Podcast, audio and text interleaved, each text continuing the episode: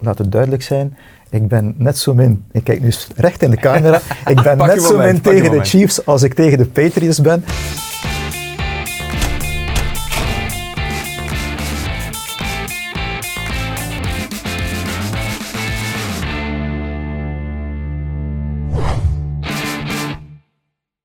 Dag iedereen en welkom terug bij Clubhouse Tandem. Deze zondag is het zover, de Super Bowl. Het is eh, misschien wel het grootste eendagsevenement van het jaar, denk ik. En eh, ik ga daar eh, niet heel veel over vertellen. Ik ga er vooral heel veel over vragen vandaag. Dat is natuurlijk de bedoeling. Ik heb weer eh, twee fantastische gasten in mijn zetel zitten. Toon Aerts, eh, Tom Aerts, eh, Toon sorry, Toon Aerts, Jesus, ja. zeg je nu? Toon en Jurgen Nijs natuurlijk. Welkom allebei, heren. Ik ben heel blij dat jullie erbij zijn. Het is een evenement waar ik altijd een beetje naar uitkijk, maar ik ga direct iets opbiechten. Het is een evenement waar ik elk jaar naar uitkijk, maar elk jaar niet toe kom om het te kijken.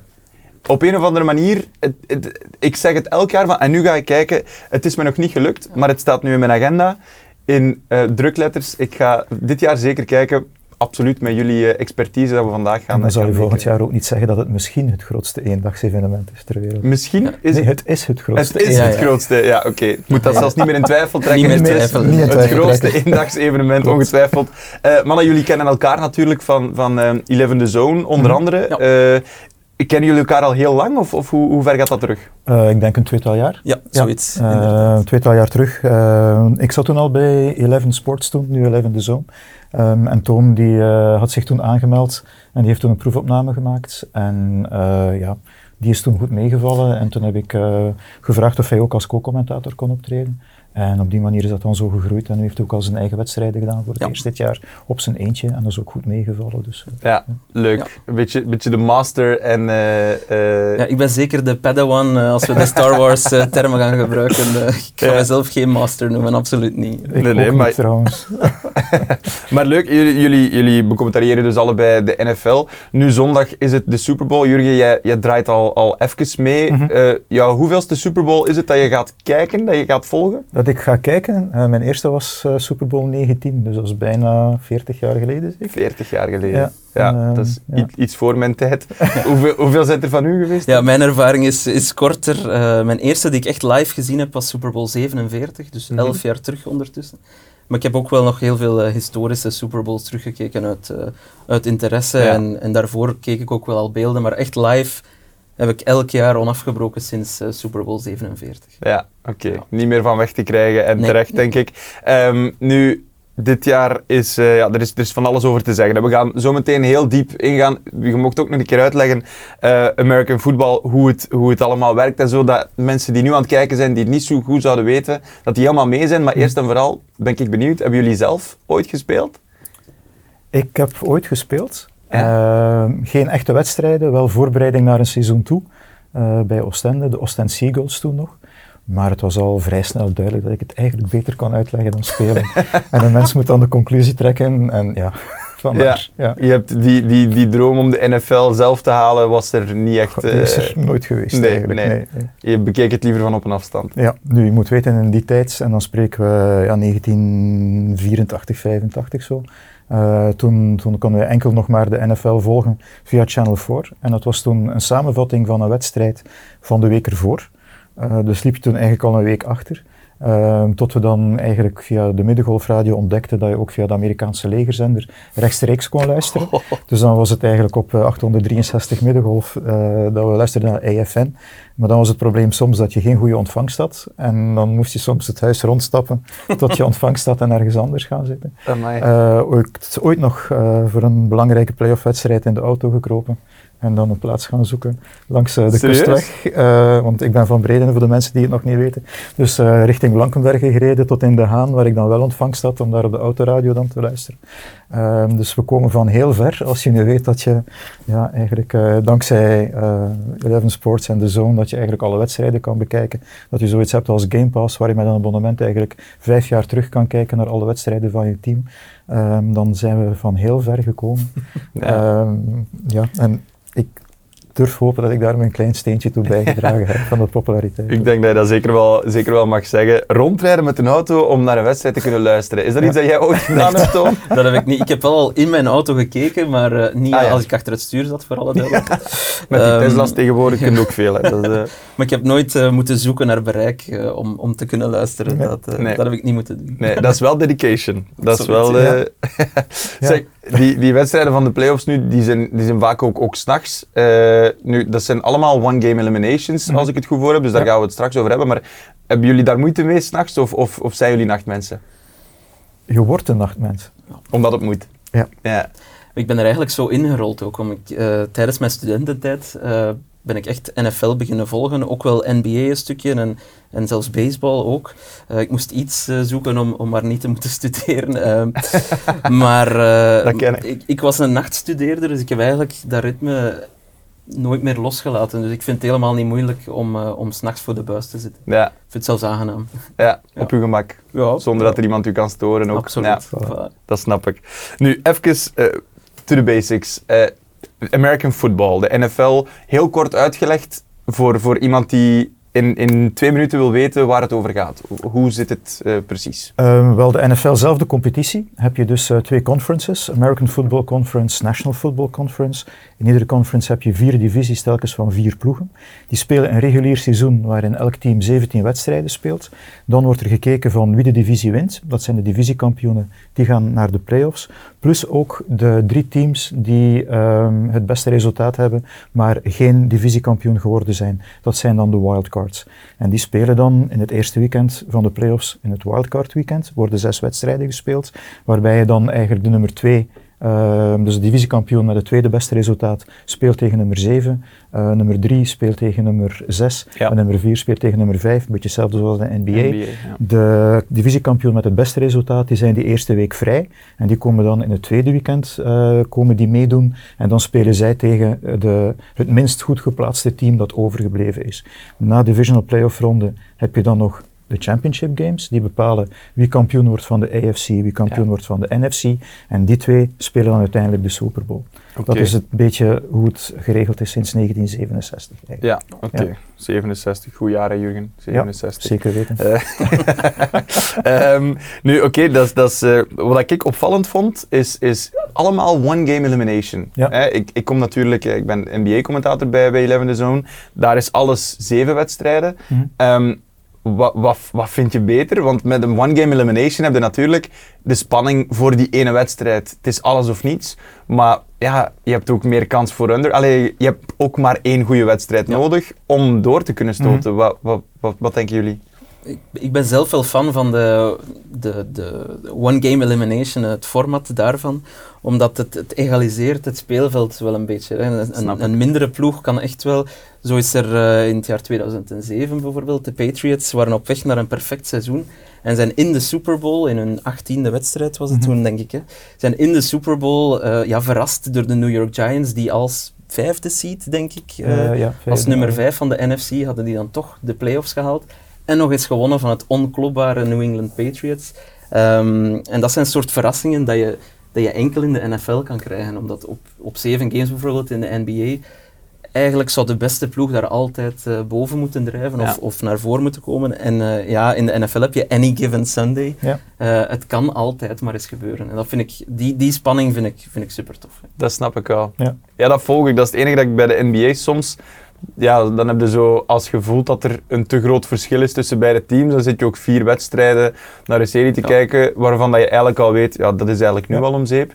bij de NFL is het echt, ja, alles of niets voor, voor, voor Ja, één maar dat, wedstrijd. dat maakt het ook zo, zo leuk. En ook in de Verenigde Staten maakt het dat zo populair, omdat je inderdaad met dat gegeven zit van het moet die dag gebeuren. Ja. Ehm, en ja, en, en ook, het is ook heel eigenaardig voor die spelers zelf. Want dat zie je nu ook, meer op social media komt dat nu, hoe spelers reageren op het moment dat, die, dat ze die wedstrijd dan verloren hebben. Dan is het zo van, ons seizoen zit er nu op. Ja. Zo van, oké, dan zitten ze daar aan de zijlijn. En dan, ja, Sanderdaags gewoon dan terug naar de kleedkamer, kastje leegmaken en ze zijn weg. ja. En ze zien elkaar, sommigen gaan elkaar dan misschien niet meer tegenzien in het, in, of tegenkomen in hetzelfde team, omdat er ook zoveel eh, verloop is van spelers, ehm, dat dat eigenlijk echt als een kans die, die je hebt, en als je die niet kan grijpen, En dat maakt het dan natuurlijk ook dat de spelers extra gemotiveerd zijn om er wel te staan. En dat geeft dan natuurlijk ook weer die extra, die extra dimensie aan die wedstrijden eigenlijk. Ja, ja. dat snap ik, snap ik volledig. Je, je haalde zelf toen het voorbeeld aan van 2007. Uh, was dat dit jaar ook het geval? Waren er verrassingen dat je zegt van amai, de, de, de vijfde seed heeft hier, heeft hier voor verrassingen gezorgd? Of was het een beetje gelopen zoals je verwacht had? In de wildcard-ronde had je wel de Green Bay Packers, die wonnen van de Dallas Cowboys. En dat was wel op dat moment een redelijke verrassing, omdat de Dallas Cowboys werden geacht als een van de drie, vier beste teams in de NFL. Nu hebben zij niet zo'n goede geschiedenis, niet zo'n goede recente geschiedenis, ga ik zeggen, met de playoffs. Dus er waren wel mensen die dan zeggen, uh, told you so, de Cowboys uh, choken altijd in de playoffs. Hm. Uh, daar valt wat voor te zeggen, denk ik. Maar, uh, Opletten toon, nu begeef je op glad ijs ja. sommige mensen. maar dat was een, een verrassing, maar voor de rest, als je kijkt naar de ploegen die in de Super Bowl staan bijvoorbeeld, ik denk niet dat dat een grote verrassing is. Okay. 49ers, Chiefs, die werden zeker voor het seizoen allebei wel naar voren geschoven als, als kanshebbers. Ja, ja, ja. ja, maar toch, de Chiefs die stonden maar als derde ja, geplaatst. dat klopt. Ja. En waar ze vorige seizoenen, want het is nu de vierde keer in vijf jaar dat ze een Super Bowl spelen, maar toen konden ze alle wedstrijden in de playoffs thuis spelen. Dit was nu voor de eerste keer niet het geval met Mahomes. Ze zijn naar Buffalo moeten gaan. Ze zijn dan ook uh, naar Baltimore moeten gaan voor de championship game. Maar ja, blijkbaar ja, talent komt bovendrijven, ja, zeggen we. Dus uh, vandaar dat ze terug in de Super Bowl staan. Ja, want, want zijn, er, zijn er teams waarvan je meer had verwacht, deze playoffs? Of, of die, die je verrast hebben? Wel, Detroit was een, een aangename verrassing. Die hadden Notmars vorig seizoen al ingezet en die hebben dat eigenlijk kunnen doortrekken dit jaar. Waarbij ze dan eigenlijk op een paar ja, beslissingen van, van, van de coaches na, hadden ze eigenlijk wel, denk ik, kunnen winnen van San Francisco. Want ehm, we hebben nog niet uitgelegd hoe een wedstrijd precies werkt, wat de reglementen zijn. Nee. Moeten we misschien eerst misschien even kort even schetsen voor, uh, meer in de details ja, gaan. Voilà. Dus eigenlijk is het zo dat je tijdens een wedstrijd heb je een offense en een defense op het veld staan. Mm -hmm. En uh, de offense die krijgt telkens vier pogingen om 10 yards, 10 meter terreinwinst te boeken. Verdediging probeert hen te stoppen. Lukt dat, dan wordt de vierde poging meestal gebruikt om de bal weg te trappen. Mm -hmm. Of als je dicht genoeg bij de doelzone bent, bij de endzone, om een field goal te trappen. Want de bedoeling is uiteindelijk met die vier pogingen het veld over te steken en de eindzone te bereiken van de tegenstander. Als dat lukt, dan scoor je een touchdown. En dat kan door de bal in de eindzone te lopen of de bal te passen. En als die daarin gevangen wordt, twee voetjes binnen de lijnen, dan heb je ook een touchdown. En dan volgt een extra punt of twee punten die extra gescoord kunnen worden. Nu was het zo dat Detroit, ik hoop dat dat voldoende was als uitleg. Absoluut, ja. Dus nu was Detroit, hadden zij een vierde poging en twee. Um, in het begin van de tweede helft. En heeft de coach geopteerd, die bal die lag toen op de 28-yardlijn, heeft de coach geopteerd om ervoor te gaan in plaats van de field goal te trappen. Dus de bal tussen de palen door te trappen, wat dan drie punten zou opgeleverd hebben. Ja. Ze zijn er niet in geslaagd om die te converteren. 49ers hebben de bal op die plaats teruggekregen. Die zijn dan het veld overgestoken, hebben gescoord. Het grote verschil was, en psychologisch vooral, had hij gekozen voor die field goal, dan waren er drie scores verschil geweest in die wedstrijd. Dan stond het 27-10. En dan had San Francisco misschien op een andere manier moeten spelen om die kloof te dichten. Nu waren dat maar twee scores. Ze scoren onmiddellijk. Is er maar één score meer, recupereren onmiddellijk daarna ook de bal, maken gelijk en je hebt een heel andere wedstrijd. Ja. En uiteindelijk heeft San Francisco dan die, rij door, die lijn doorgetrokken ja. en hebben ze gewonnen. Maar het had dus evengoed Detroit kunnen zijn. Ja. En dat is dan weer die ene wedstrijd waarin het allemaal beslist wordt. Dan hangt het soms af van details en dat was nu zo'n detail. Ja. ja, dat is interessant om te horen. Ik ben, ik ben helemaal mee, want ik herken het een beetje. Ik vertaal het natuurlijk automatisch naar het NBA of het basketbalgegeven. Dat is daar net hetzelfde, ook al wordt er daar wat meer gescoord. Maar uh, ja, elke play maakt een groot verschil. Dat is leuk om te horen dat dat bij NFL ook zo, uh, zo het geval is. Um, de Lions, dat is, uh, die, die, die hebben voor het eerst in 30 jaar een playoff-wedstrijd gewonnen. Mm -hmm. Heb ik, uh, ik heb mijn research gedaan. Uh, Ja. dat is uh, sinds 91 geleden. Ja. Um, betekent dat dat, die, ja, dat we die binnenkort echt in de Super Bowl mogen gaan verwachten? Of is dat, is dat te vroeg uh, juichen? Maar ze hebben de toekomst wel mee, denk ik. Misschien behalve op quarterback. Dus quarterback is de belangrijkste Ja. positie op het veld. De spelverdeler, de man die de bal uh, paast. Uh, of hem afgeeft aan, aan, een, aan iemand die, uh, die ermee rent, of zelf met de bal rent. Um, maar ze hebben wel, buiten de quarterback, hebben ze wel de jeugd mee. Ze hebben, uh, doordat ze jarenlang niet zo goed gepresteerd hebben, hebben ze in de draft dan wel echt wel wat jonge, goede jonge spelers uit de universiteit kunnen halen. je ziet dat die nu al de nucleus vormen van hun team. Ehm, ja, echt fantastische spelers zoals Sam Laporta, zoals Jameer Gibbs, namen die we kunnen onthouden. Amon Ra St. Brown, fantastische naam uh, om te onthouden. Kunnen we makkelijk Uh, onthouden. Ja. ja. dus je zou zeggen op papier, ja, ze hebben de toekomst mee, ze kunnen daar nog jaren van genieten. Alleen het gegeven dat je er meteen uit kan liggen in de playoffs op één wedstrijd, dat wil ook zeggen dat die kansen mogelijk wel schaars zijn om nog eens zo'n mooi, zo'n mooi parcours af te leggen. Dus ik weet niet, misschien als ze zich verbeteren op quarterback, Jurgen, dat ze misschien nog wat verder kunnen geraken? Ja, maar je mag ook niet vergeten de competitie binnen de eigen divisie. Je hebt Ook Green Bay, ja. die ook in de playoffs zaten, met Jordan Love, die toch ook wel bewezen heeft dat hij het potentieel heeft om een franchise quarterback te worden, die nog jaren zal kunnen meegaan voor Green Bay. Dus daar zit je dan ook met dat probleem. Minnesota, die misschien ook wel terug aan de deur zullen Ja. kloppen. En Chicago, de Bears, met Justin Fields, of opnieuw met een eerste keuze in de draft, die ook weer een nieuw talent kunnen gaan aantrekken. Benieuwd hoe dat daar zal Ja. lopen. Dus het zal voor de, de line zal moeilijk zijn om via de eigen divisie in de playoffs te geraken. Laat staan om in de playoffs dan nog wedstrijden te gaan winnen naar de Super Bowl te geraken. Maar de kans bestaat. Hè. Ze hebben inderdaad de kern, zoals Toon zegt.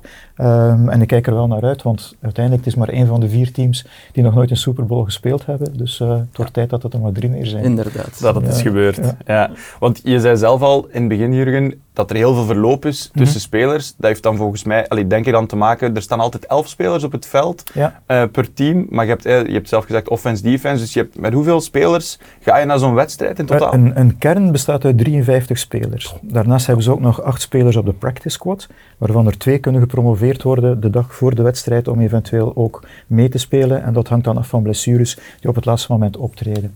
De dag van de wedstrijd zelf zijn ze met 48. Er zijn er maximum vijf die nog op inactief kunnen geplaatst Ja. worden. Ehm, en dus ga je met 48 spelers staan ze aan de zijlijn, waarvan je dus de 11 starters hebt op verdediging, Mhm. 11 starters op aanval.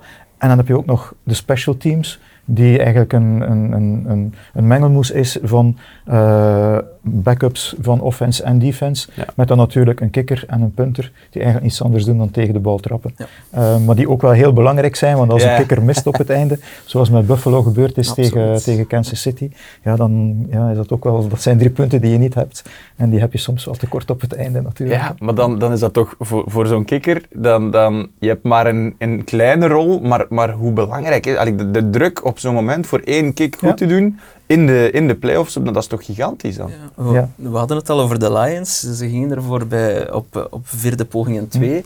Eh, een deel van de verklaring is wellicht ook dat hun kikker op dat moment, van op die afstand, eigenlijk niet zo'n goede statistieken heeft. En dan nog eens met die extra druk van in de playoffs, Ja. zal de coach gedacht hebben, ik ga het hem niet aandoen, eh, we, gaan, we gaan er gewoon zo, voor ja. gaan. En nogthans, hè, als je hem trapt of niet, als je hem mist, dan ligt de bal op dezelfde plaats. Ja, dat klopt. bedoel, dus waarom zou je het niet proberen? En Nee. hij had al een 54-yard field goal getrapt. Dit ging een 48-yard field goal zijn. Ja, oké, ik denk dat misschien statistisch gezien de kansen berekenen Was en dat zo. een betere keuze maar geweest? ja, ik denk dat het een betere keuze was om die field goal te proberen. Mis je hem? Oké. Maar nu ja, ligt het momentum volledig aan de andere kant. En- absoluut. Momentum, hè. dat is een Ja. heel belangrijke in, Ja. eh, in, in sport in het algemeen, denk ik. Ja. Eh, nu, eh even, wacht even, waar zat ik hier? Ah ja, Eh, ik heb gehoord van iemand, eh, maar daar moeten we mij even in, in bijstaan, want ik weet niet of dat, dat effectief zo is. Maar door, we hebben het over de Chiefs gehad, ze waren eigenlijk maar de derde seed Mhm. dit seizoen, maar ja, wanneer het ertoe doet, staan ze er toch weer. Zijn dat de twee grootmachten op dit moment? Is dat wat dat we... Zijn dat de twee sterkste teams dat we tegenover elkaar zien? Want ik, ik hoorde iemand zeggen, dit is de Super Bowl die niemand wou. Mm, dat denk ik niet. Of is dat de... Ehm, wat wel, de bocht. Ja, Ja, waarschijnlijk ja, wel. Maar Ja, wel, iedereen verwachtte de Ravens eigenlijk, omdat de Ja. Ravens hebben een heel sterk seizoen gespeeld. Lamar Jackson, de spelverdeler daar, is tot ontwikkeling gekomen dankzij een nieuwe offensive coordinator. Is eindelijk kunnen ontbolsteren als passer, waar hij vroeger altijd gebruikt werd, al lopende met de bal. En men probeerde zoveel mogelijk dat passen te beperken, omdat men dacht dat hij het niet kon. Heeft het tegendeel bewezen dit jaar. Zeker. Maar dan had je in die, die wedstrijd het verschil tussen de ervaring die de Chiefs zal hebben. De Chiefs die eigenlijk een beetje doen zoals de Patriots gedaan hebben. Dat is naar het einde van het seizoen minder goed spelen. En dan eens de playoffs beginnen, dan wordt er een versnelling hoger geschakeld. En ze zitten terug op niveau. Dus dat is wat de Chiefs gedaan hebben. Maar om nu te zeggen, dat de Chiefs niet op hun plaats zouden zijn in de Super Bowl. Dat vind ik inderdaad wel kort door de bocht. En San Francisco, die hebben eigenlijk bijna altijd aan de kop gestaan in de NFC. Dus zij waren ook de number one seed. Ja. Hebben ook een wedstrijd minder gespeeld, wat misschien naar blessures toe misschien ook wel belangrijk zou kunnen zijn. Ehm, dus zij zijn daar zeker ook op hun plaats. En dat niemand die wedstrijd wilde hebben, dat denk ik niet. Want nu heb je dat extraatje dat ze vier jaar geleden ook al tegen elkaar gespeeld Ja. hebben.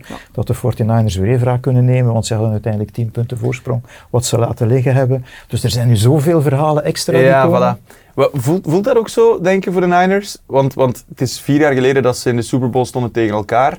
Eh, dan wonnen de Chiefs. Eh, dan- ze, ze hebben de, de, de winst uit handen gegeven, zeg je Mhm. net zelf. Maar er is ook heel veel verloop van team. Ja, Denk je dat dat nu wel nog... Speelt hij met een extra chip on hun shoulder, ik zal het zo zeggen? sommige spelers wel, en dat zijn er niet te veel Nee, meer. Want als je beide teams samenlegt, Ja. heb je nog 13 spelers die er vier jaar geleden bij Amai. waren. Van die 106. Eh, dus dat Kan dat- al tellen. Ja. kan inderdaad al tellen. Maar het zijn natuurlijk wel de betere spelers die gebleven zijn, laat dat duidelijk zijn. Ehm, dus voor hen misschien wel, zeker ook voor de coaches. De coaches, ja. Ja, want voor Kyle Shanahan, niet alleen heeft hij daar die 10 punten prijsgegeven met de 49ers, maar Super Bowl 51, om even verder terug te gaan in de tijd, eh, de enige Super Bowl die in een verlenging gegaan is. Daar hadden de Atlanta Falcons een 28-3 voorsprong. De eigenaar Arthur Blank die kwam al naar beneden, die stond al te vieren. Maar zoals de geschiedenisboeken ondertussen vertellen, de Patriots zijn teruggekomen, hebben dan in verlenging die wedstrijd gewonnen. Toen was Kyle Shanahan daar offensive coordinator. En in het vierde kwart hebben ze geen punten meer gescoord, geen enkele derde poging kunnen converteren. Was hij misschien net iets te conservatief om die wedstrijd over de streep te trekken, zoals dat nu zo mooi gezegd wordt. Eh, dus voor Kyle Shanahan is het zeker, een, denk ik, een, ik zal niet zeggen een persoonlijke vendetta, maar Ja. hij heeft wel iets te bewijzen. Natuurlijk. Iets te bewijzen vooral. Ja, oké. Ja, de Chiefs kunnen een derde titel pakken op zes jaar tijd. Ehm, spreken we dan, mogen we over een dynasty spreken bij de Chiefs? Is dat nu al aan de gang of, of moeten ze dat toch nog zo bewijzen nu in die Super Bowl zondag? Maar ik vind dat het eigenlijk nu al het geval is, omdat het, het verhaal leeft zeer sterk. En bij de Ravens was dat zo vorige week. Je moet voorbij Patrick Mahomes en de Chiefs als je succes wil boeken in de AFC. En als je dat kan zeggen, dan heb je al een status bereikt, vind ik, dat je de, de, de nummer één bent. Ook al ben Ja. je dat misschien niet in de rangschikking altijd.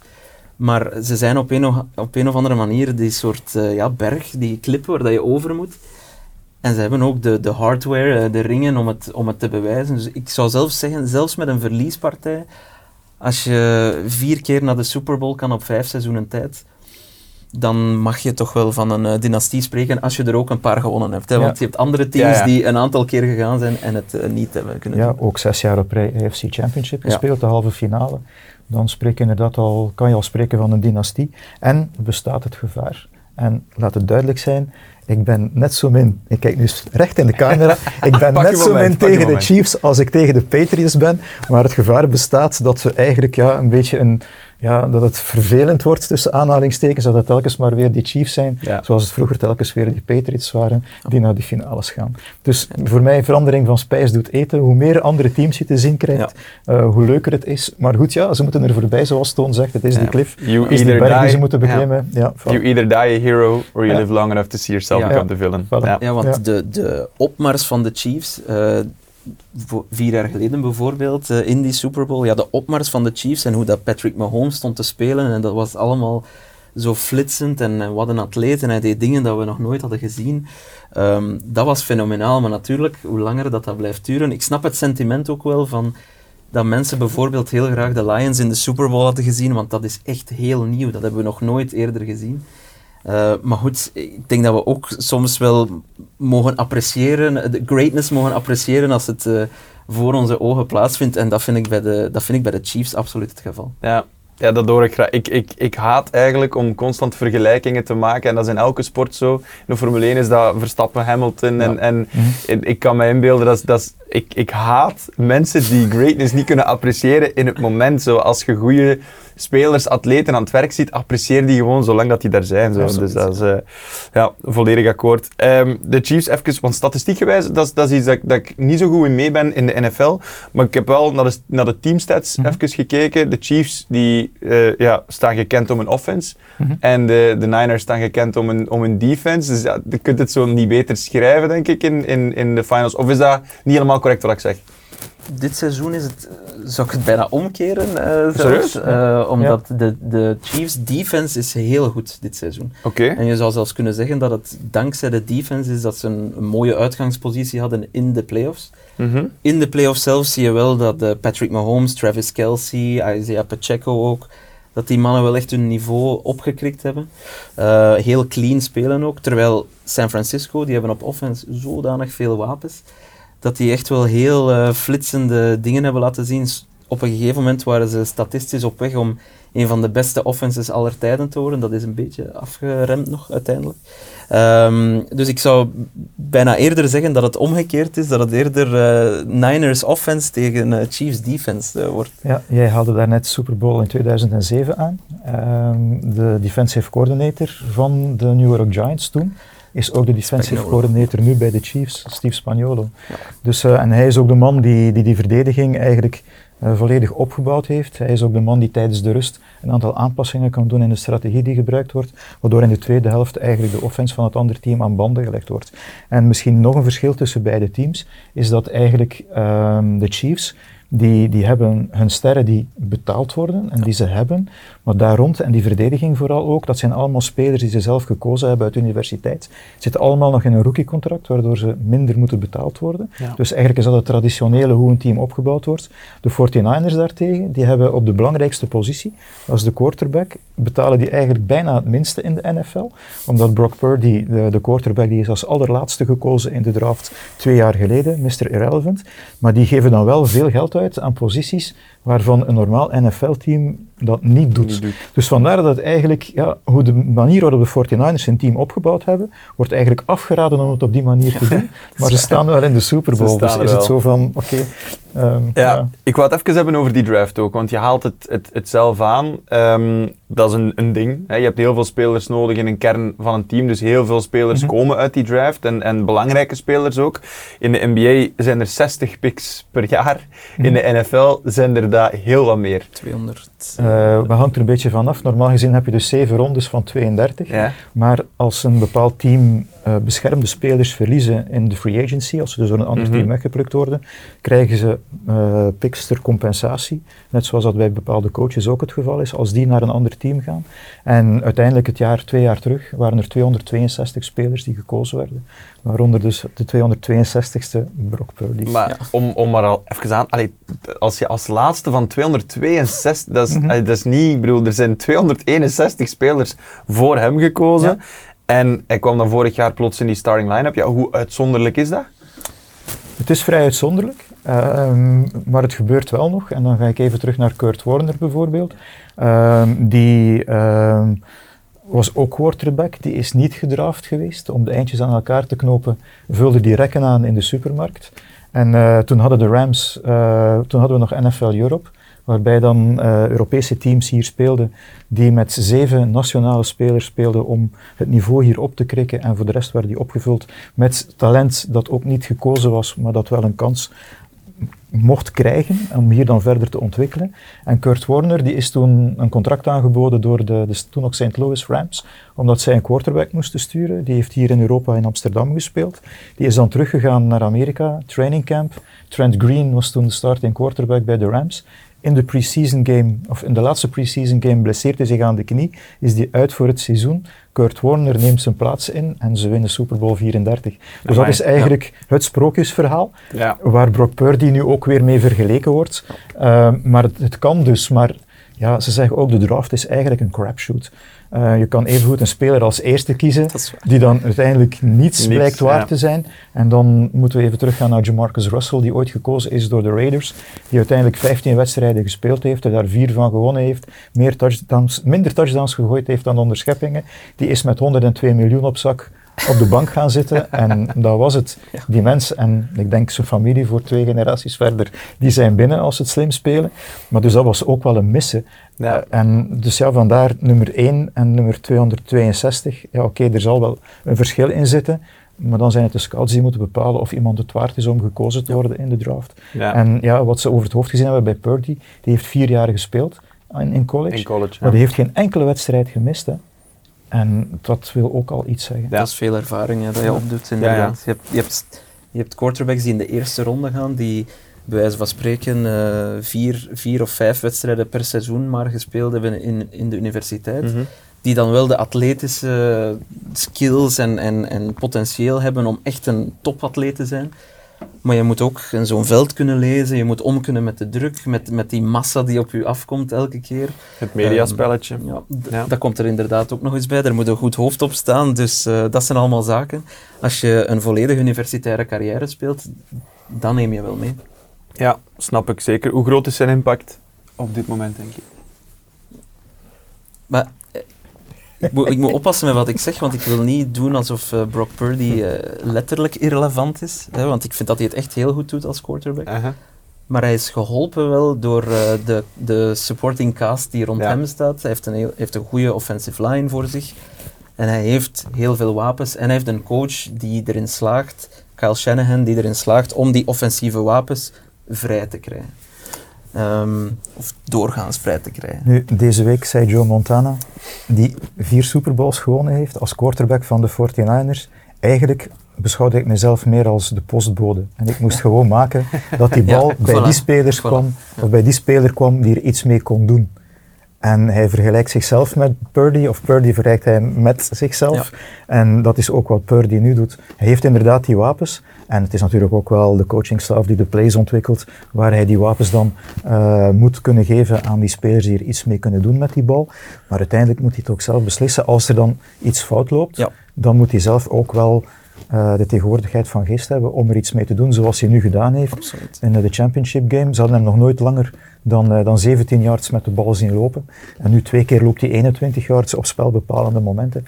En dat is het moment dat hij dan zelf moet beslissen van nu ga ik ervoor. Ja. En ook niet alle quarterbacks kunnen dat. Ik, ik denk zeker dat hij beter is dan zijn eh draft pick zou doen vermoeden. Ja. Ik denk dat hij veel beter is dan zijn draft pick zou doen vermoeden, maar hij, hij is niet de, ehm, de supersterre quarterback zoals dat we die wel eh, elders in de NFL zien, zoals dat Patrick Mahomes er eigenlijk in is. Wat is dan Ehm, het verschil? Waar, waar, waar maakt Mahomes dan het verschil met, met Purdy?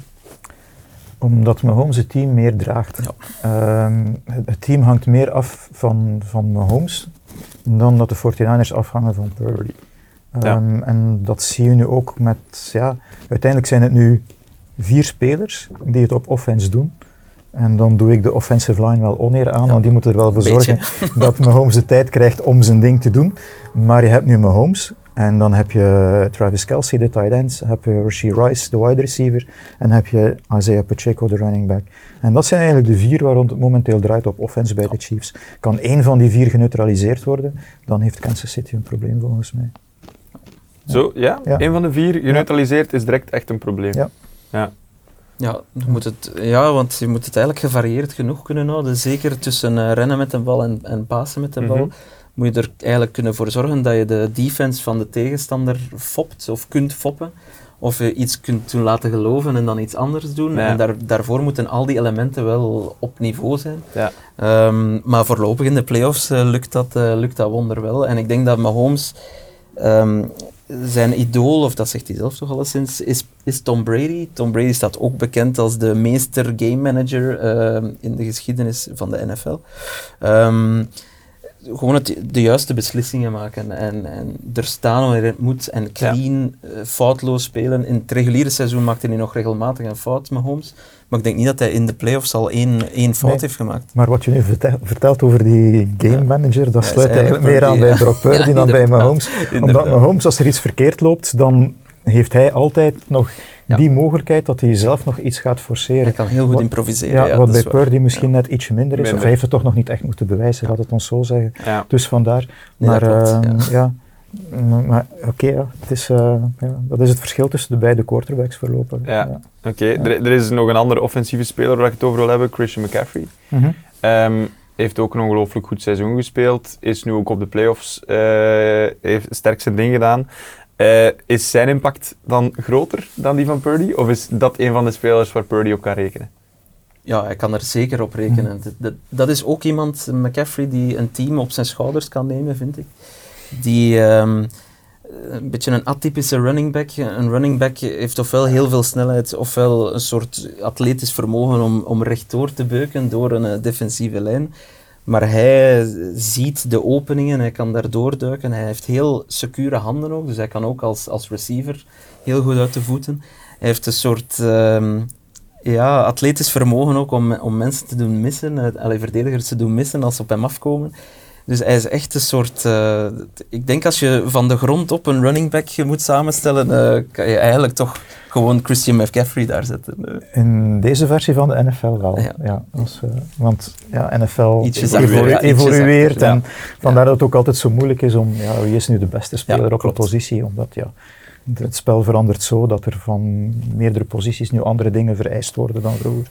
Um, en ja, ik ben wel op mijn plaats om dat te mogen zeggen. Denk Absoluut, ja. Ja. Beter dan ik alles. Ja. Jullie zitten hier allebei op jullie plaats, dat is eh, ondertussen al duidelijk. Ehm, Oké, nee, duidelijk. Eh, als, eh, als jullie nu de twee teams vergelijken op papier, puur op papier, wie denken jullie, wie zou er op papier deze, deze Super Bowl moeten winnen? Op papier de 49ers. Ja. Dat denk ik ook. Zij hebben het beste, het best gevormde team in het algemeen. Maar je hebt zelf al aangehaald, de Chiefs, als, ja, die zijn nu in de playoffs wel hun Ja. ding aan het doen. En als eh, Die hebben ook de ervaring, de om al meerdere keren gestaan te hebben.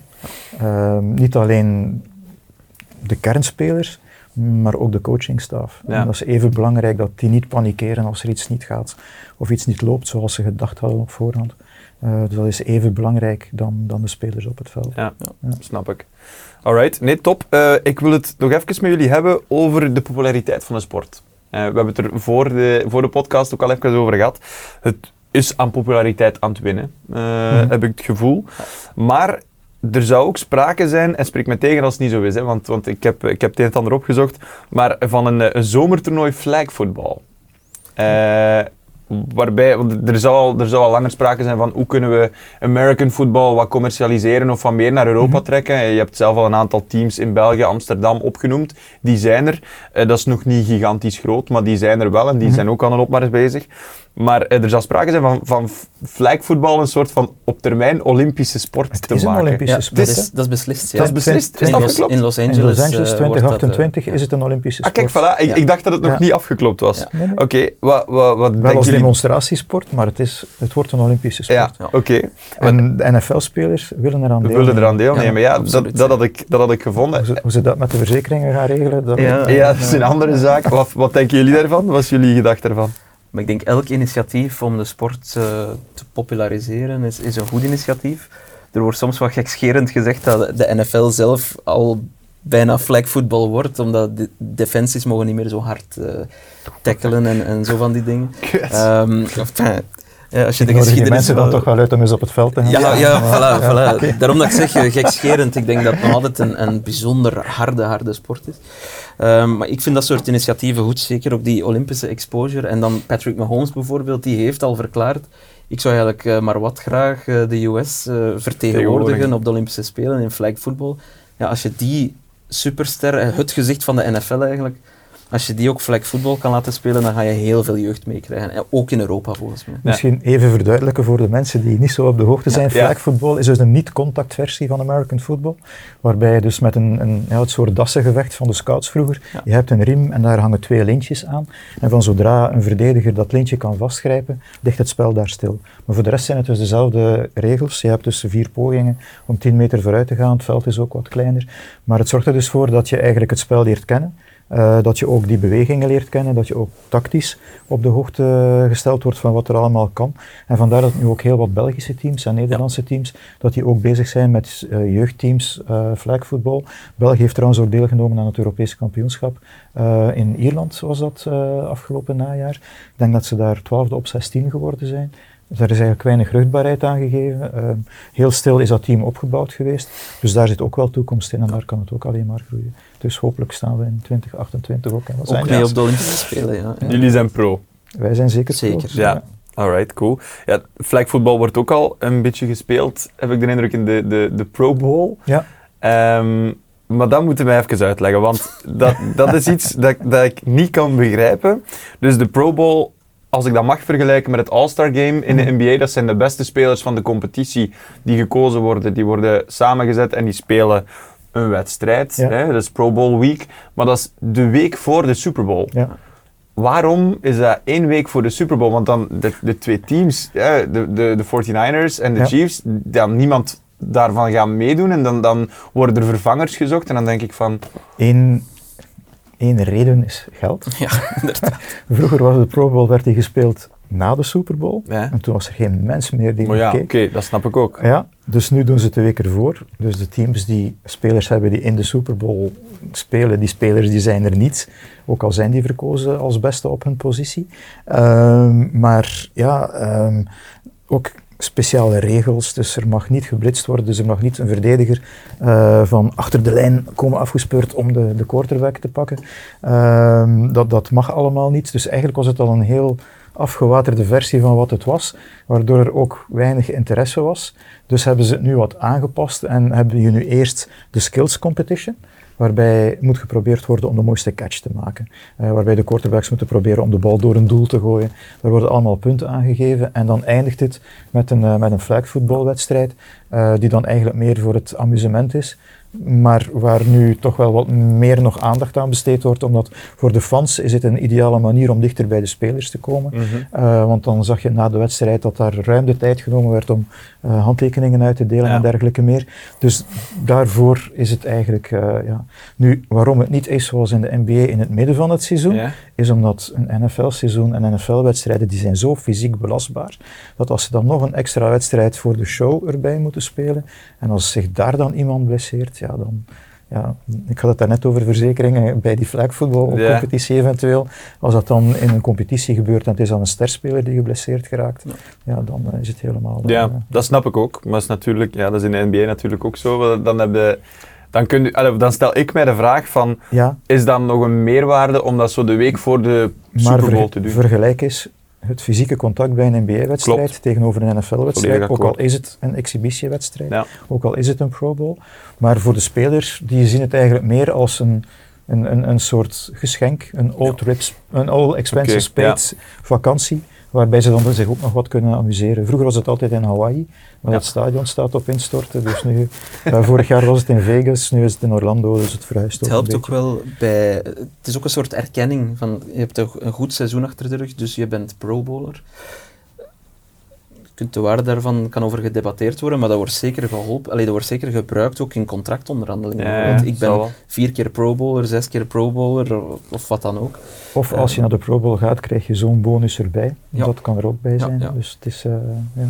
Ja. Dus het heeft ook wel financiële. Voor de spelers, denk ik, zit er wel ook een financieel Mm. aspect aan eh, Ja. om, om Ja. deel te nemen. Dat snap ik ook. Alright. Dus eh, het, mag, het mag blijven op die manier, dat vinden jullie... Maar ik ben blij dat de flag football geworden is, die wedstrijd. Omdat nu is het niet meer eh, doen alsof je NFL speelt, Ja, eh, ja. American football Ja, speelt. ja. Eh, want ik, de laatste echte Pro Bowl wedstrijd heb ik tien minuten proberen kijken, maar ik heb het afgezet omdat het was, Dus mijn commentaar was niet goed genoeg. op dat was zonder commentaar. wel. Het was zonder commentaar. Want ik heb die ook nog moeten doen. Eh, of Ja. moeten doen, mogen doen. Zijn maar jullie die met nog, plezier. Maar we zijn die jullie nog die nog uit? Of, of is dat... Eh, ja, die is uitgezonden geweest, Ja. maar wel in uitgesteld relais. Eh, omdat ja, die valt de zondagavond, viel die om 9 uur. En dan was er ook nog eh, Spaans en Italiaans voetbal. ja. Dus die is, eh gisteren, die is eh, op maandagavond uitgezonden. Ehm, en die is op woensdagavond, of woensdagmiddag nog eens herhaald geweest. Ja. Oké, Oké, cool. Flagvoetbal, ja, we zien het meer en meer. Ik ben benieuwd eh, hoe het zal zijn in 2028. Ja. Mhm. Ehm, nog een laatste dingetje dat ik even wou aanraken. Als ik het goed voor heb, komende donderdag worden er een aantal awards uitgereikt. Ja. Eh, uiteraard onder andere de, de MVP Award. Ehm een van de grootste kanshebbers, het is bijna denk ik zo goed als duidelijk dat Lamar Jackson die MVP wel Ja. zal halen. Ehm, nu, ja, hij, hij ligt eruit. Hij staat niet in de Super Bowl. Hoe, hoe belangrijk is dat? Of hoe onbelangrijk is dat bij wijze van spreken naar, naar die awards toe, naar zijn legacy als speler? Ja, hij gaat, hij gaat die award winnen, dus dat, dat ik denk niet, er moet echt al iets heel gek gebeuren als Ja. hij hem niet gaat winnen. Dat is ook vooral een erkenning voor zijn regulier seizoen. Eigenlijk moet je abstractie maken van de playoffs, ook al is dat soms moeilijk hè, in, in de hoofden. Ehm, maar ik denk als je als quarterback kan zeggen, ik ben al twee keer, want het zal zijn tweede zijn, ik ben al twee keer MVP van de league geweest, dan hoor je bij de beste quarterbacks. Ook al heeft hij nu nog niet de Super Bowl behaald als quarterback van, eh, van, van de Ravens, dan nog vind ik wel dat je in zijn regulier seizoen, zijn prestaties die hij daar laten zien heeft, en ook tegen Houston bijvoorbeeld in de tweede helft, in de playoffs nu, uh, afgelopen uh, wat, twee zaterdagen geleden ondertussen, um, dan vind ik dat er genoeg redenen zijn om te zeggen Lamar is een van de beste van de ja. NFL. Uh, en ik denk niet dat nu het verlies tegen de Chiefs daar, daar veel afbreuk aan doet. Allee, alleszins toch niet bij mij. Nee, maar het leeft natuurlijk het wel. Leeft en het wel, zal ja. altijd een sterretje zijn, ja. zolang hij geen Super Bowl wint. ja. Toen ik de NFL begon te volgen, hadden we Dan Marino als quarterback bij de Dolphins. Ja. Reden samen met zijn backup Jim Jensen waarom ik een Miami Dolphin fan geworden ben. Maar Super Bowl 19, die wilde ik absoluut zien, zonder dat mijn ouders het wisten. Dus s'nachts heel stil naar beneden gegaan om die Super Bowl te bekijken. Want dat was een Super Bowl met de Dolphins tegen de 49ers. Die hebben ze verloren en Marino dacht ook van, ga, uh, piece of cake, ik kom je nog wel een paar keer terug. Zo erg is het niet dat ik vandaag verlies, maar hij is nooit meer naar een Super Bowl geweest. Maar hij is ook een Hall of Famer, had al de records eigenlijk van, uh, van passing op het moment dat hij gestopt is. Uh, dus Lamar Jackson die zal alle records hebben van rushing quarterback en dergelijke meer, tot er een betere komt natuurlijk. Ja. Uh, maar ja, ik denk, ja, het, het, een, echt een smet op zijn blazoen zal het niet zijn, want Marino is het ook in de Hall of Fame, wordt ook nog altijd als een van de allergrootste bekeken. Ja. Maar het is natuurlijk wel. Hij heeft nooit een Super Bowl ja. gewonnen. Ja, dat klopt. Ja. Hij is er zelfs eigenlijk nog niet geraakt. Hè. Dat is, ja, uh, dat is, nee, dat is de eerste stap. Ja, ja. ja. inderdaad. Er is, er is ook iets. Uh, hij was einde contract bij de Ravens mm -hmm. een aantal jaar terug. Hij had al een MVP gewonnen, maar de Ravens wilden hem niet betalen. Nee. Oh, wat, wat, wat, was daar precies gebeurd? Wat was het verhaal daarachter? Wel, ze wilden hem wel betalen, maar ja. ze waren niet helemaal eens over de prijs die ze ja, moesten betalen. Oké, okay. zijn vraagprijs was zodanig hoog dat de Ravens ja. zoiets hadden van... Ja, ook al omdat hij zelf geen agent heeft, dus hij heeft niemand die hem vertegenwoordigt. Dus hij onderhandelt zijn contracten zelf. Okay. En hij was eigenlijk, een, hij had een franchise tag, wat wil zeggen dat een ander team ook een aanbod had kunnen doen.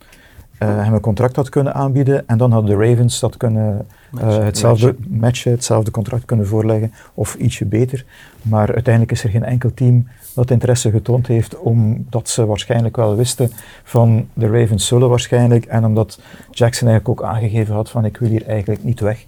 En dan uiteindelijk zijn ze toch tot een overeenkomst gekomen waardoor hij bij de top 5 ja. van de best betaalde ja. is momenteel. Ik denk dat hij heel een paar dagen zelfs de best betaalde ja. quarterback was. Um, maar het, het, heeft ook met zijn stijl te maken. Hij is iemand die graag, dit seizoen ietsje minder, maar graag, graag rent, heel atletisch is. Heeft daar ook al een aantal blessures aan overgehouden. Dus bij de Ravens dachten ze, ja, gaan we hem nu echt de top dollar betalen voor iemand die misschien geen ja. tien jaar meer meegaat. Um, goed, ik vind uiteindelijk dat ze de juiste beslissing hebben genomen. Had dan ook teams zoals de Atlanta Falcons, die zeer publiekelijk naar buiten kwamen om te zeggen we zijn niet geïnteresseerd in uh, Lamar Jackson. En als je de prestaties van beide teams even naast elkaar legt, ja. ben ik niet helemaal overtuigd dat de Falcons de juiste beslissing hebben genomen. Nee. Nieuwe headcoach ondertussen ook. Ja, inderdaad. Uh, ja. dus, uh, Oké. Okay. Maar het, uh, met Lamar Jackson komt het goed. Zijn tweede MVP waarschijnlijk, ja. uh, normaal gezien dit, uh, dit jaar. En nu, misschien er wordt ook altijd wel een, een soort van veiligheid ingebouwd in die contracten, want die zijn eigenlijk niet gegarandeerd. Um, dus er is wel een signing bonus. Op het moment dat Lamar Jackson zijn handtekening gezet heeft, heeft hij x aantal miljoenen gekregen. Dus wees er maar ook zeker van dat hij en zijn familie voor de komende generaties meervoud veilig zitten. Um, maar het is dan wel zo dat je eigenlijk, een NFL-speler, die wordt maar betaald per week. Dus ze spelen een wedstrijd, hij krijgt een gamecheck. Volgende week opnieuw komen de playoffs eraan, dan stopt het team met de spelers te betalen. Is het de NFL die de spelers betaalt die in de playoffs spelen. Dus eigenlijk alle teams die uitgeschakeld worden, al die spelers, die worden nu niets meer betaald, ah, tot ze in september een eerste wedstrijd terugspelen. Amai, maar hoe moeten die dan brood kopen? Ja. Maken dat ze genoeg krijgen als ze een handtekening zetten. Ja. waarschijnlijk wel. Een spaarrekening open, waarschijnlijk. Nee. Oké, okay, dat is wel, oké, dat wist ik niet. Er is nog één iets dat ik niet wist en dat vind ik super interessant. Er is een award, Comeback Player of the Year. Mm -hmm. Vind ik super tof. Ja. Ik denk, denk, ik weet niet of dat in veel andere sporten het geval is. Ik heb er nog niet veel uh, gezien. Goeie vraag, dat weet ik eigenlijk. Maar, maar ja, ik, ja. Vind dat, ik vind dat de max. Wie is volgens jullie daar dit jaar? Eh... Dat, gaat ook, dat staat volgens mij al zo goed als vast omdat hij op het veld heeft gestaan, ja. wat dat al een mirakel was. Demar Hamlin, ja. die is vorig jaar in een wedstrijd, uh, Bengals tegen de Bills, een, speler, een verdediger van de Bills, is die tijdens de wedstrijd heeft hij een uh, hartstilstand gekregen. Uh, afgevoerd. Ik denk ook dat die wedstrijd was ineens niet meer te zien. Dat, was, dat was vorig seizoen. Vorig, vorig seizoen, seizoen, ja. ja. Uh, afgevoerd naar het ziekenhuis, daar een paar dagen uh, in coma gelegen. erdoor gekomen. En dan toch terug beginnen trainen, beginnen eh, hard werken en dit seizoen terug op het veld gekomen. Weliswaar veel, eh, ja, in veel mindere capaciteit dan, dan vorig seizoen. Maar het feit dat hij snaps gespeeld heeft als NFL-speler nadat hij eigenlijk oog in oog stond met de dood, Ja. is volgens mij genoeg om die award eh, binnen te Waarschijnlijk halen. wel. Ja. Ja, oké. Ja, ik, vind, ik vind het super interessant. Ik vind dat we dat in de NBA, ik vind dat je dat in elke sport moet hebben, een comeback of the year. Dat vind ik, dat, dat, ja, ik vind dat super tof. Ja. Leuk, leuk, leuk. Alright. Ehm, ja, ik denk dat we, dat we, dat we bijna, bijna rond zijn. Zijn er dingen ehm, waarvan dat je zegt, Jarno, dit hebben we nog niet aangeraakt voor, voor de Super Bowl, dat, dat moeten we toch nog even bespreken? De family ties. Want er kunnen bepaalde dingen gebeuren. eh, om te even welk team. Nee, eigenlijk moeten de 49ers winnen. Want als de 49ers winnen, dan wordt Kyle Shanahan de eerste headcoach waarvan de vader ook als headcoach een Super Bowl gewonnen Ah, heeft. Ja. Dus Mike Shanahan heeft dat gedaan met de Denver Broncos, heeft er twee gewonnen. Ehm, en ook vader-zoon element. Want eh, Christian McCaffrey Ja. kan dan met hetzelfde team een Super Bowl winnen waarmee zijn vader ook een Super Bowl gewonnen heeft. Oké. Dus de 49ers. En dat zou nog maar de tweede keer zijn dat dat gebeurt. Van de coaches is het de eerste keer dat het gebeurt. Eh, van, eh, bij de McCaffrey's zou het de tweede keer zijn. Want ook eh, de, de Ossies, die hebben ook, eh, vader en zoon hebben daar ook een Super Bowl gewonnen, maar die spelen op een veel minder zichtbare positie. Dat waren longsnappers. Dat zijn dus eigenlijk de mensen die op het veld komen, enkel om die bal tussen hun benen zo ver mogelijk achteruit te, te snappen, waar dan iemand de bal recht zet om dan een field goal te trappen. Dus eh, zowel Steve, vader, als Zach, zoon, hebben een Super Bowl gewonnen met de, eh, de New York Giants. En dan komen we terug in 2007 bij die, Ja. het seizoen dat Het, niet perfecte, volmaakt het was. niet perfecte Het seizoen. niet perfecte seizoen van de Patriots. Er is Eh, maar- waardoor er is maar de één Miami team. Dolphins, Ja, ja, ja. de Miami Dolphins Ja. nog altijd het enige team zijn om een seizoen volledig ongeslagen af te sluiten. Dat was in 1972, maar toen speelden ze nog maar 12 wedstrijden in het seizoen en twee playoff wedstrijden, dus als 14-0. Terwijl Ja. nu moet je eigenlijk al ja, Hoe, hoeveel wedstrijden zijn er nu in een seizoen? 17. Ja, 17 17, in één en dan, eh, ja, als, je de, dan, als je ze allemaal zou winnen, heb je zeker de first seed, denk ik dan. Ja. Ehm, dus dan heb je nog twee, eh, drie playoff wedstrijden erbij als je all the way zou Ja. winnen. Anders vier. Alright. Goed. Eh, interessant. Ik ben helemaal mee. Ik zeg het, ik blijf eh, mijn, mijn, mijn zondagnacht eh, ga ik niet naar mijn bed. Ik eh, zet mij voor de tv en ik ga mijn eerste Super Bowl effectief bekijken nu. En ik heb er, ik heb er keiveel goesting in.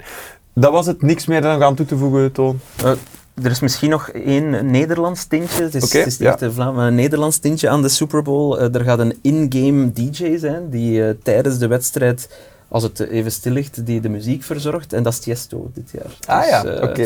Dus dat is dan een, een Nederlands, eh, een Benelux tintje aan de Super Bowl, zullen we maar leuk, zeggen. leuk, leuk. Ja, ik besef nu, nu dat je zegt muziek, ja, we hebben het belangrijkste van, van heel de NFL ja, ja. nog niet benoemd. Taylor Swift, jongens. Ja, hoe kunnen we het er nu niet over hebben? Eh, ja. Nee, we hebben, het, we hebben het op voorhand besproken. Ik denk dat jullie het ook kotsbeu zijn om, om elke keer Taylor Swift te moeten benoemen. Maar ik moet wel zeggen daarover, ehm, ze wordt inderdaad regelmatig in beeld genomen, er wordt veel over geschreven, maar zo iemand die zich verbindt aan de NFL is zelfs ook in Europa eigenlijk wel... eh, Technisch gezien is het niet aan de NFL. Hè, ja, het is waar, het is waar, het is waar. Het is Denkt jullie dat ze ondertussen daar ook van de NFL wat... wat Die eh, zijn heel blij. En- Ik denk dat Ja. die super blij zijn. en ja. mocht ze er geraken, CBS die de wedstrijd in de Verenigde Staten uitzendt, die zullen ook wel blij zijn, want dan zullen Ja. de Swifties ook kijken. Ja. Ja. Ze zal wel behoorlijk wat eh, kunstjes moeten uithalen om op tijd terug te zijn, want de dag ervoor treedt ze nog op in Tokio. In Japan, ja. Oei. Maar heeft ze het geluk van tijdsverschil, dus gaat ze tegen de tijd Ah in. ja, ja, oké. Ik denk dat dat 17 uur is of zo. Zoiets, ja. Waardoor als alles mee zit, dat ze eigenlijk al op 10 februari toch in Las Vegas zou kunnen aankomen. Om dan op 11 februari toch eh, de wedstrijd te kunnen bijwonen. Dat komt in orde. Ze gaan, ze gaan hemel en aarde bewegen om daar te het komen. probleem is, haar privéjet kan al niet landen in Las Vegas, want er zijn geen slots meer vrij. Eh, dus zal ze waarschijnlijk via LAX LA, moeten gaan ja. en dan... Ja, Kijk eens, ja. Jurgen Nijs, Taylor Swift-kenner. Het is... eh, ja, maar ja, we weten het allemaal nog niet, dus eh, het is fijn om te weten.